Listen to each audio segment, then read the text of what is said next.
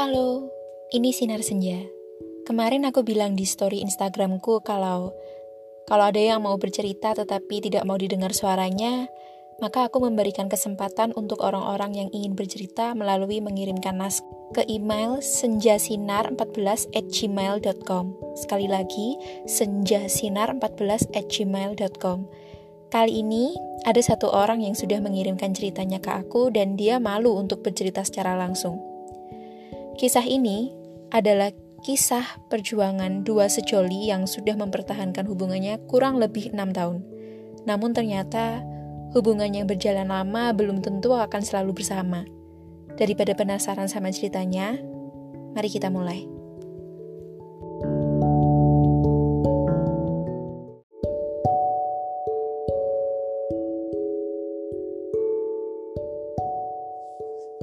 Malam ini mungkin aku akan berbagi kisah perjalananku yang cukup panjang dalam menjalani hubungan bersama seseorang yang saat ini mungkin tak bisa aku miliki seperti dahulu.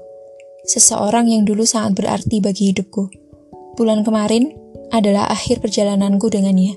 Bulan kemarin mungkin menjadi bulan yang sangat menyakitkan bagiku. Akhir cerita kita ternyata berakhir di September. September juga sangat mengajarkanku banyak hal saat ini aku lagi berusaha bangkit untuk melanjutkan hidupku tanpa bersamanya lagi di hidupku. Ini memang sangatlah berat. 6 tahun perjalanan kita dan telah banyak hal-hal yang dilewati bersama dalam sedih atau bahagia. Aku sekarang lagi berada di proses mengikhlaskan. Aku mengikhlaskan kepergiannya dari hidupku.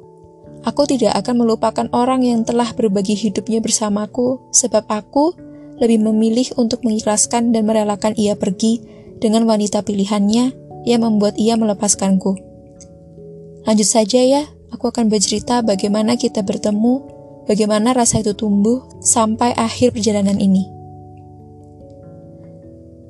Kisah ini berawal saat aku duduk di bangku SMA.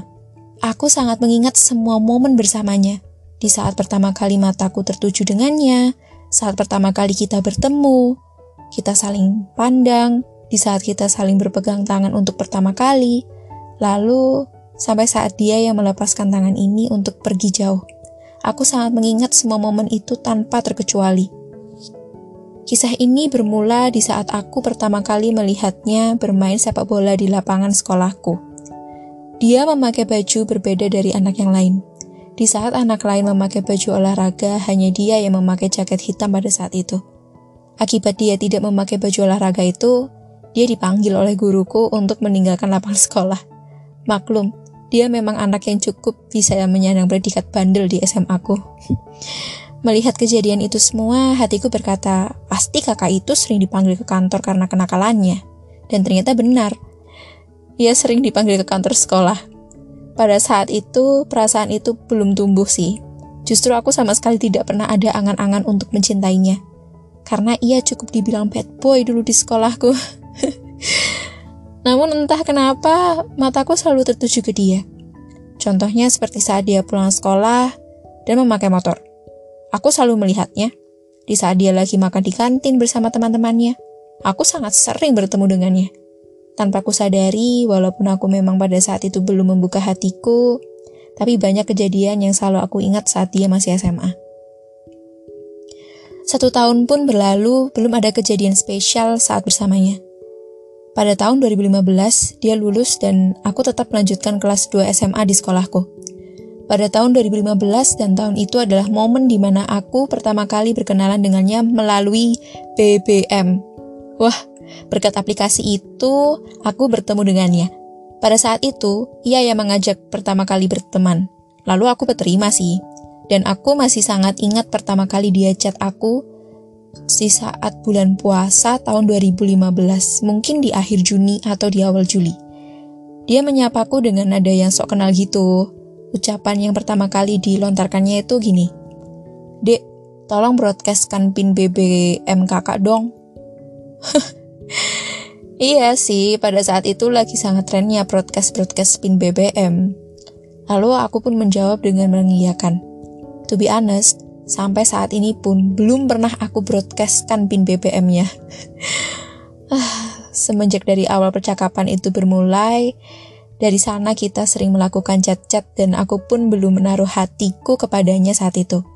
Aku masih ingat, dia yang sering curhat kepadaku soal perkuliahannya saat dia menjadi maba.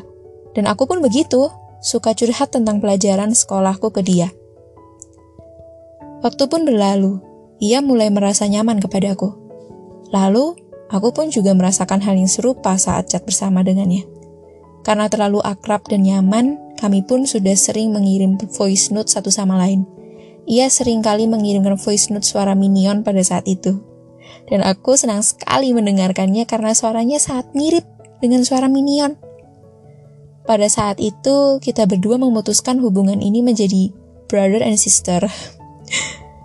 Kebetulan aku nggak punya kakak laki-laki dan aku pun merasa nyaman juga. Ya udah ya, jadi kita melewati hubungan itu mungkin 4 sampai 5 bulanan. Kita sendiri juga udah sering chat dan dari situ hatiku mulai merasakan yang namanya jatuh cinta. jatuh cinta. Sifat apa adanya dia itu yang membuatku sangat nyaman jika ngobrol bersamanya. Dia sering sekali membuat aku tertawa. Lambat laun perjalanan yang kuarungi Akhirnya aku memutuskan memberikan dia surprise pada tahun 2015 di bulan Oktober. Wah, sudah lima tahun yang lalu. Mungkin itu bisa dikatakan kita bertemu secara dekat semenjak dia lulus sekolah. Wah, kalau mengingat momen itu membuatku ingin tersenyum-senyum lagi. Semua teman-temanku membantuku untuk memberikan dia surprise. Terima kasih kalian yang sudah membantu. Oh iya, hadiah pertama kali yang aku kasih ke dia itu selimut minion. Gak tahu kenapa aku milih selimut itu mungkin karena pasti berguna aja kan buat dia tidur. Pada saat itu ia pertama kali menyuapkan kuenya kepadaku. Entah kenapa jantungku berdegup kencang. Kemudian kita berfoto untuk pertama kali. Berdua. Ah, jika aku ceritakan semua hal itu bisa membuatku pusing. Setelah dari pertemuan awal itu, aku semakin yakin kepada hatiku. Kalau aku sudah mulai ada rasa kepada dia dan aku juga udah nyaman banget sama dia. Sayangnya setelah beberapa bulan dari kejadian itu, cukup lama sih aku gak ketemu sama dia. Dia seperti menghilang. Namun selang beberapa bulan, dia datang dan dia ingin curhat kepadaku. Dia bercerita bahwa dia dekat sama beberapa wanita pada saat itu. Mendengar pengakuannya, aku lumayan sakit sih karena dia dekat sama cewek lain. Ya udahlah ya, Aku berpikir bahwa aku cuma dianggap sebagai adik dan gak lebih. Aku memilih untuk pendam saja si rasa ini, dan pada akhirnya ia memutuskan untuk pacaran dengan orang lain. Semenjak itu, aku sudah tidak mau kontakan lagi dengan dia. Karena aku ngerasa cinta bertepuk sebelah tangan itu gak enak. Lambat laun, aku mulai kasih jarak dengan dia. Mungkin cukup lama aku menghilang, hmm, sekitar satu bulanan. Saat aku menghilang, aku dengar kabar bahwa dia diselingkuhi sama ceweknya. Ya, sama pacarnya. Aku tidak memberikan respon dan tetap melanjutkan proses menghilangku. Aku nggak tahu ya dia memang betul nyari aku buat jadi pelampiasan atau enggak. Pokoknya seingatku, ia mencariku melalui teman-temanku. Dan dia menanyakan kenapa aku pergi saat itu. Ya aku jelaskan alasannya. Karena aku nggak mau ganggu hubungan dia sama pacarnya. Setelah dari itu, hubungan kita semakin dekat lagi, dan ia udah mulai menaruh rasa nyaman kepadaku, begitu pula sebaliknya. Aku terkejut saat ia suka menulis kata-kata yang membuatku semakin luluh dengannya. Dia suka memberikan kata-kata setiap pagi setelah aku bangun. Hal itu membuatku sangat bahagia sekali pada saat itu. Lalu pertama kali ia memberikan tiket konser kepadaku dan mengajakku menonton konser. Waktu itu tuh dia bilang gini, temenin aku nonton konser ya. Coba bayangin betapa dredeknya hatimu saat dia tuh bilang kayak gitu. Ah, kata-kata itu membuatku ingin flashback lagi. Tanpa pikir panjang, aku langsung mengiyakan permintaannya. Sebelum kita pergi nonton konser, aku diajak untuk bertemu dan berkenalan dengan ibunya. Aku langsung terkejut pada saat itu karena itu pertama kali kita ngedate. Ah, yang buat aku semakin terkejut adalah saat itu, pertama kali itu juga, aku langsung dikenalkan sama orang tuanya. Aku adalah wanita pertama yang dikenalkannya kepada ibunya. Malu rasanya saat bertemu dengan ibunya. Tetapi diam-diam aku memiliki rasa bangga juga saat itu. Ya jelas lah, karena aku dong satu-satunya wanita yang diajak ke rumah untuk dikenalkan dengan keluarganya. Dari sana aku makin yakin bahwa ia benar-benar serius kepadaku. Lalu kita berjalan pertama kali dan sangat merasa dekat satu sama lain pada malam itu. Aku sangat senang sekali jika mengingat momen tersebut. Memang ya, benar kata orang, PDKT itu memang gak ada lawannya. Bener-bener indah. Dari pertemuan itu, kedekatanku bersamanya sudah mulai meningkat. Dia sudah mengungkapkan rasanya kepadaku.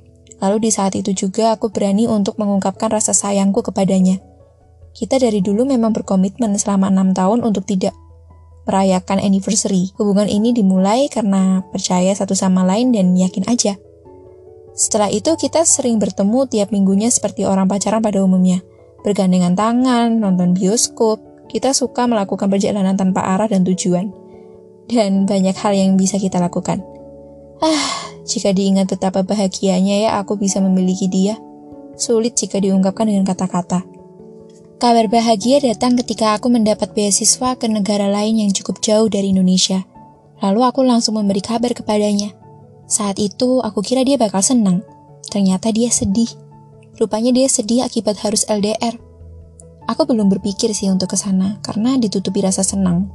Iya, siapa sih yang gak senang kalau dapat beasiswa ke luar negeri? Ia sangat sedih ketika tahu kabar itu dan selalu bilang kepadaku, "Kamu yakin akan pergi sejauh itu?" Ya aku jawab, "Aku yakin lah pada saat itu." Setelah mendekati perpisahan, semakin terasa aku tidak mau pisah dengannya. Aku sendiri juga merasakan hal yang aku takutin sejak detik-detik di hari H. Bukan dia saja yang aku tinggalkan, tapi ada keluarga, teman terdekat, dan Indonesia. Ya, menambah rasa sedih di kala itu. Sebelum aku pergi meninggalkan negara ini, dia memberikanku surat, foto, dan Al-Quran. Aku nggak bakal nyangka sih dia seromantis itu dengan kesederhanaan dia. Semakin hari dan waktu semakin dekat, aku memutuskan untuk menghabiskan waktuku dengan dia. Kita setiap hari harus bertemu dan aku semakin tidak sanggup untuk meninggalkan dia. Saat hari H datang, aku harus berpisah dengan orang-orang yang kusayangi. Dia datang sendirian dengan membawa senyuman yang aku tahu itu senyuman sedih. Aku hanya bisa menghela nafas saja saat di bandara. Ketika terdengar panggilan untuk boarding, aku dan dia harus berpisah. Aku harus memaksakan untuk kakiku berjalan dan menjauhinya. Aku berjalan dan aku hanya bisa melihatnya dari kaca. Dengan berat hati, aku melangkahkan kakiku untuk pergi dan semakin jauh darinya. Melihatnya saja sudah tidak sanggup.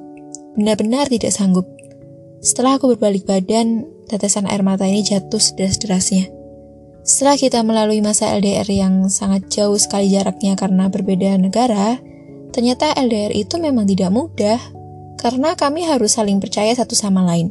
Aku sendiri juga tidak bisa melihat ia secara langsung. Selama LDR, muncullah konflik berdatangan. Karena pada saat itu aku sangat sibuk dengan perkenalan kampus dan dia selalu menghubungiku. Aku berusaha meyakinkan bahwa aku tidak apa-apa dan begitu pun sebaliknya. Konflik mulai berdatangan, mulai timbul rasa curiga, sedih, kangen, dan ingin bertemu itu selalu ada. Yang bisa aku pelajari setelah tahu LDR itu adalah komunikasi. Karena komunikasi itu sangat penting sekali banyak orang yang bilang kepadaku kalau kita pasti akan putus karena LDR. Banyak yang bilang seperti itu. Teman-teman dia, teman-temanku, kakak tingkat kampusku yang sudah berpengalaman, ya putus karena LDR. Mereka tuh selalu bilang kayak gitu. Tetapi semakin banyak omongan orang, semakin aku yakin dengannya kalau kita bisa bertahan dalam hubungan ini, meskipun kita LDR. Ya, kita percepat saja ya. Setelah 6-7 bulan melakukan LDR, Waktu bahagia datang. Ya, aku pulang ke Indo pada saat itu. Aku nggak bilang apa-apa ke dia kalau aku bakal pulang. Aku memang sengaja selama dua hari itu aku lost kontak dan aku diam-diam pulang ke Indo. Dia menanyakan keadaanku dan video call saat aku ada di bandara, tapi aku mematikannya. Ya, aku nggak mau dong surpriseku berantakan. Setelah aku sampai ke rumah, Indonesia, Aku langsung pergi ke rumahnya secara tiba-tiba dan ternyata di rumahnya itu tidak ada orang. Aku sedikit kecewa pada saat itu. Lalu aku chat adiknya dan ternyata ia tidur di kamarnya. Adiknya bilang, masuk aja kak ke kamarnya, dia masih tidur. Dengan semangat menggebu-gebu aku masuk, tapi dengan cara diam-diam dan pelan-pelan seperti orang maling. Ah, rupanya benar setelah ku buka pintu kamarnya, dia masih tertidur pulas. Saat dia tertidur, aku menatapnya cukup lama di samping kasurnya. Lalu langsung aku bangunkan dia. Kak, kak, bangun. Dia terbangun, tapi masih setengah sadar. Sambil menatapku. Dia mengusap-ngusap matanya bentar dan pada saat itu dia sangat terkejut saat aku sedang di sampingnya. Dia langsung bangun dan langsung memelukku dengan erat. Aku pun juga begitu. Aku langsung memeluknya dengan erat. Rasa ini akhirnya terbayar. Sangat berkesan untuk hubungan Rasa ini terbayar sudah. Dan aku langsung menangis pada saat itu. Dia sendiri menangis pada saat itu. Ah, kenangan itu sangat berkesan untuk hubungan kita. Aku nggak tahu dia masih ingat apa enggak tentang pengalaman ini. Kalau aku ceritakan semuanya, ntar jadi novel. Oke, okay, aku persingkat saja ya cerita aku ini. Aku ingin sekali menceritakan banyak hal, tapi aku ingin berbagi pengalaman dan pembelajaran saja buat kalian ke depannya dalam menjalani hubungan dengan siapa pun. Setelah aku melanjutkan kuliahku di luar negeri selama satu tahun, dan aku kembali lagi ke Indo, ternyata aku lanjut kuliah di kampus swasta di salah satu kota di Malang. Selama aku menunggu untuk kuliah, aku mengulangi lagi nih kenangan bersamanya. Aku menghabiskan waktu untuk berjalan lagi bersama, lalu kita juga melakukan hal-hal yang buat kita saling bahagia, dan hal-hal bahagia lainnya. Pada suatu ketika saat kita makan ada notif dari orang yang tidak aku kenal. Awalnya aku tidak curiga, tetapi saat tahu bahwa notifikasi handphonenya bunyi, dia langsung mengambil handphone tersebut seolah-olah menyembunyikan sesuatu. Dari sana aku langsung mengambil handphonenya. Ternyata ada pesan yang tak masuk akal. Aku langsung tanya kepadanya, tapi dia masih menutupi itu siapa. Karena aku kecewa dengan perlakuannya, akhirnya aku menangis saat perjalanan pulang. Dan setelah di rumah, aku masih bertanya ke ke dia itu siapa. Daripada aku penasaran dan tak berpikir panjang, aku ambil nomor handphone itu lalu aku chat. Ternyata benar, dia seorang cewek. Dia lagi mendekati cewek tanpa bilang-bilang ke aku. Pada saat itu juga, hari itu, jam itu, dan detik itu, muncul rasa kecewaku pertama kali ke dia. Sakit sekali rasanya mengetahui hal tersebut. Setelah kejadian itu, rupanya dia masih chat cewek itu dan parahnya dia chat di depanku. Aku hanya bisa diam saja saat itu. Bodohnya aku, saat itu aku pura-pura bodoh saja. Dalam hatiku, sakit sekali rasanya. Semenjak dari kejadian itu, aku selalu curiga dan susah untuk menaruh rasa percayaku padanya. Singkat cerita, dia berjanji untuk berubah dan aku meyakini diriku bahwa ia bisa berubah.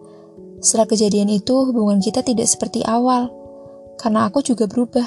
Aku selalu curiga dengan dia, dan hal itulah yang membuat kita sering berantem karena saling tidak percaya. Aku juga mengakui bahwa aku sudah mulai over saat itu. Lambat laun hubungan kita mulai banyak konflik. Tetapi kita selalu bisa mengatasinya dengan tetap bertahan. Akhirnya aku udah mulai percaya lagi dengannya.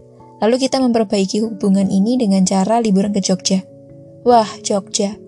Mungkin salah satu kota kenanganku bersama dia dengan melewati Malioboro, melewati titik nol, melewati alun-alun Jogja yang penuh dengan orang-orang, menggunakan sepeda motor yang kita sewa, kita berliburan ke candi, pantai.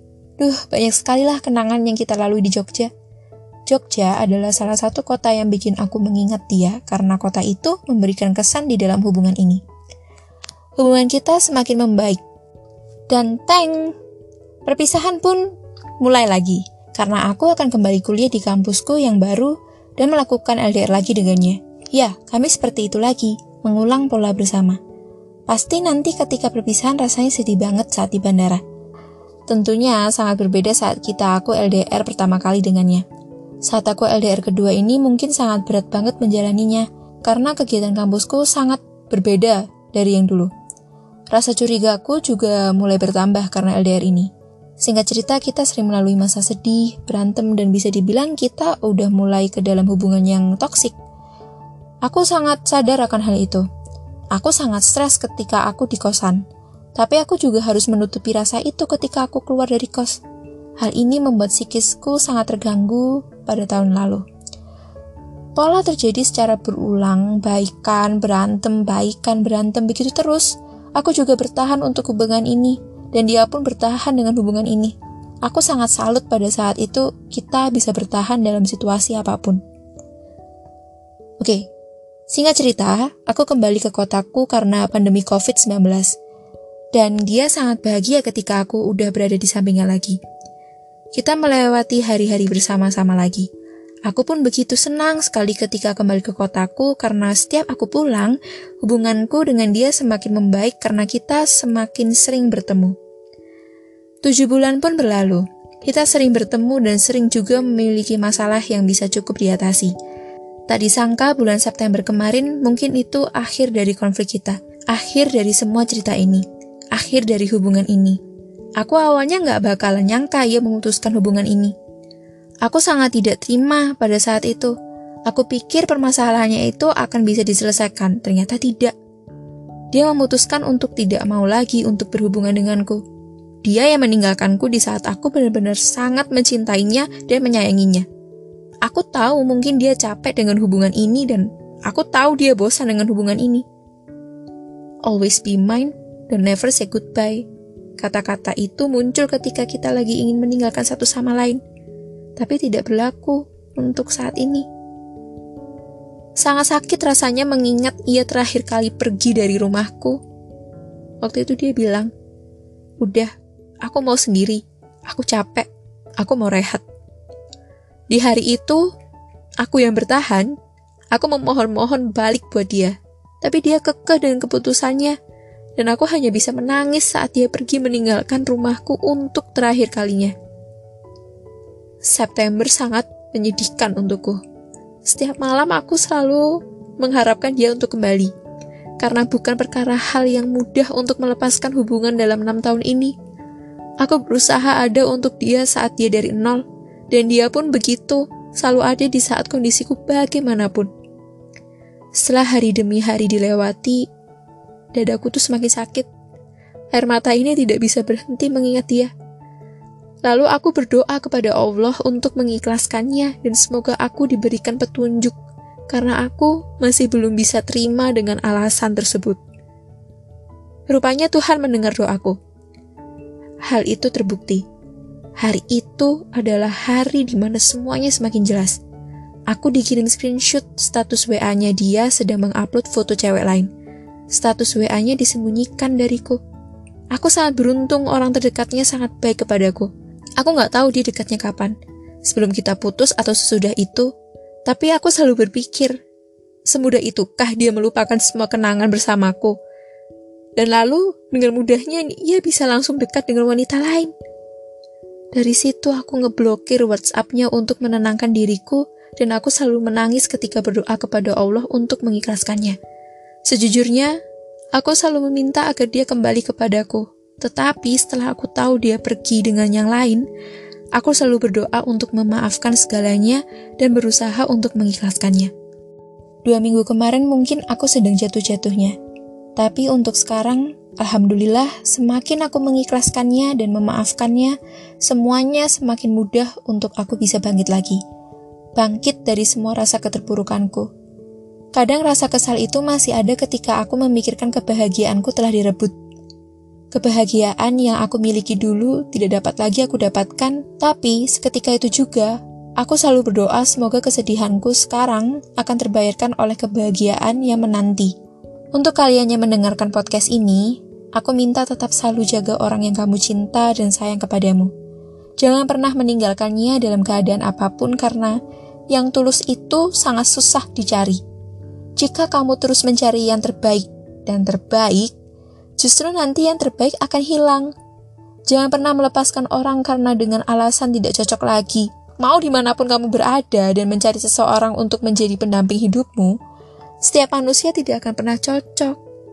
Justru ketidakcocokan itulah yang akan menjadikan kalian bersatu, saling melengkapi dan saling menghargai. Dan untuk kalian yang sekarang lagi berusaha move on, ayo kita bareng-bareng untuk move on. Kamu tidak sendirian. Aku juga sekarang lagi berada di fase itu. Dan banyak yang kupelajari dari sebuah keikhlasan, karena hanya satu, itu yang bisa kita lakukan yaitu ikhlas.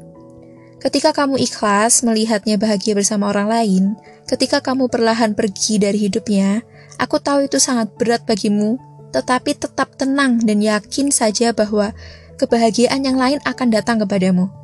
Aku sangat yakin untuk sekarang kamu yang sedang ditinggalkan oleh orang yang kamu sayang. Kamu pasti akan menemukan penggantinya yang sangat beruntung untuk mendapatkan ketulusan hati yang kamu miliki.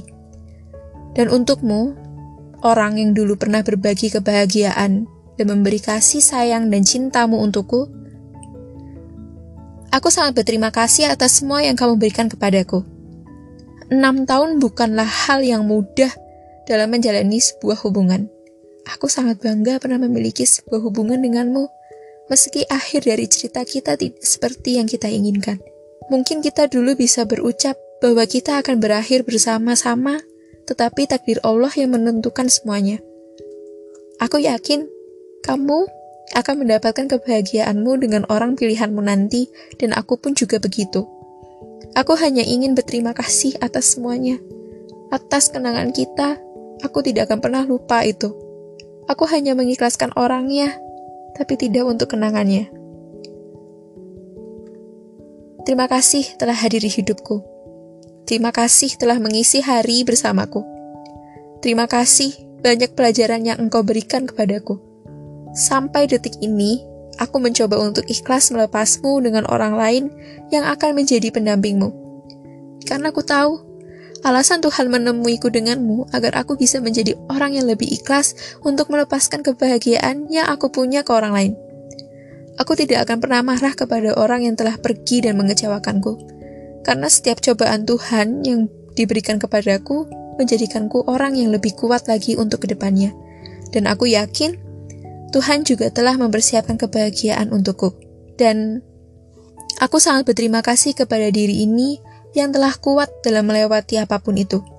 Terima kasih telah bisa diajak berkompromi dalam keadaan apa pun, dan makasih ya udah mau bertahan sampai saat ini menjadi seseorang yang lebih kuat lagi dalam menjalani apa pun. The last, I just want to say happy birthday to you. Maaf kita tidak bisa lagi merayakan hari kelahiranmu. Mungkin di tahun ke-6 ini adalah tahun di mana akhir dari cerita kita. Lima tahun yang lalu kita masih bisa merayakan bersama, tetapi tidak untuk tahun ini. Happy birthday ya kamu, yang lahir di 12 Oktober kemarin dan aku menulis cerita ini di tanggal 10 Oktober. Mungkin aku adalah orang yang pertama mengucapkanmu, tetapi hanya telat disampaikan saja. I see you happy with your life now, and I'm happy with mine too. See you.